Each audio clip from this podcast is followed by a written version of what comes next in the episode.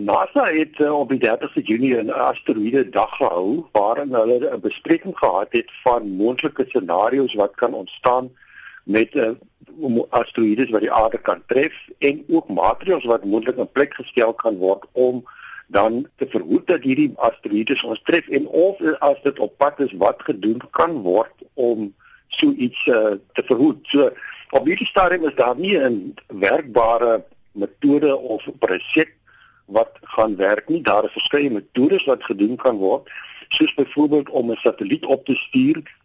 nadat die baan van hierdie asteroïde bepaal is om dan so met gravitasie-aantrekking die asteroïde van koers af te dwing of te stuur. Watter ander voorstelle is gemaak? Daar's geen manier dat jy dit so byvoorbeeld sal kan uh, stukkend skiet nie want dan veroorsaak jy net nog groter probleme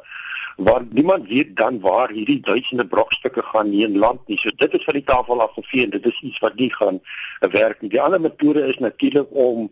uh, intense bestraling te doen met lig soos 'n laser op die een kant van die asteroïde en dan so deur hitte gradiënt wat ontwikkel binne in hierdie asteroïde die potensieel gevaarlike asteroïde van koers af te stoot. Maar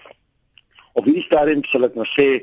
is die enigste werkbare metode wat gedink kan word om so iets te verhoed om die aarde te tref is met 'n opstuur van 'n satelliet nadat die baan bepaal is en dan dit met gravitasie aantrekking van koers af uh, te dwing. Nou hoe bekommerd is NASA oor die waarskynlikheid dat 'n asteroïde die aarde kan tref? NASA is meer bekommerd oor die sogenaamde meer is of naby aarde impak wat 'n potensiaal het om die aarde te tref veral met bane wat tussen die maan en die aarde verby beweeg en dit is hierdie asteroïdes wat die grootste gevaar vir ons inhou op elke gegee tyd van die dag is daar ongeveer 1800 van hierdie potensieel gevaarlike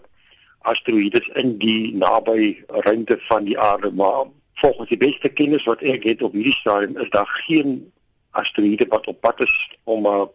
beduidende impak te hê of enigsins met die aarde te kan bots in die nabye toekoms nie. Wat word beskou as 'n naby aarde verbyvlug vir die asteroïdes? Dit is 'n asteroïde wat die kans het om tussen die maan en die aarde verby te skuur. Dit wil sê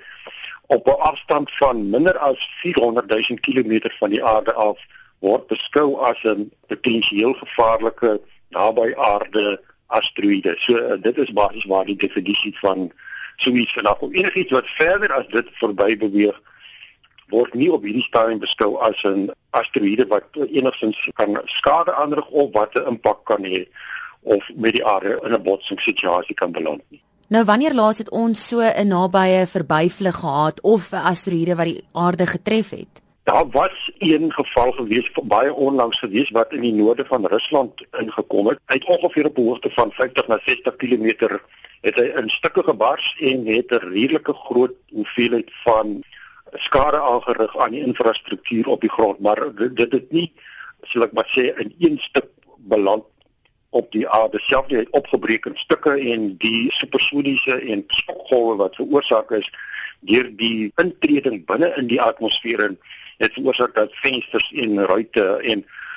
infrastruktuur 'n redelike groot skade aangetref het maar gelukkig nog nie sodanig dat mense verlies sou ek maar sê veroorsaak. Die grootste impakkrater wat ons natuurlik op ons eie stoep het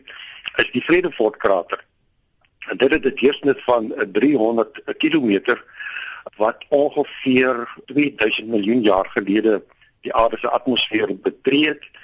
ingekom het en die aarde getref het. Hulle reken dat die grootte van hierdie asteroïde was omtrent so groot soos Tafelberg gewees. So dit het 'n beduidende skade aangerig, maar dit was nog voordat hoe ek sê infrastruktuur en lewende wesens kon gewees het wat uh, enigste stadium sou kon uh, beïnvloed word. Maar die naaste een was hierdie ontploffing wat in Rusland ongeveer 10 jaar gelede plaasgevind het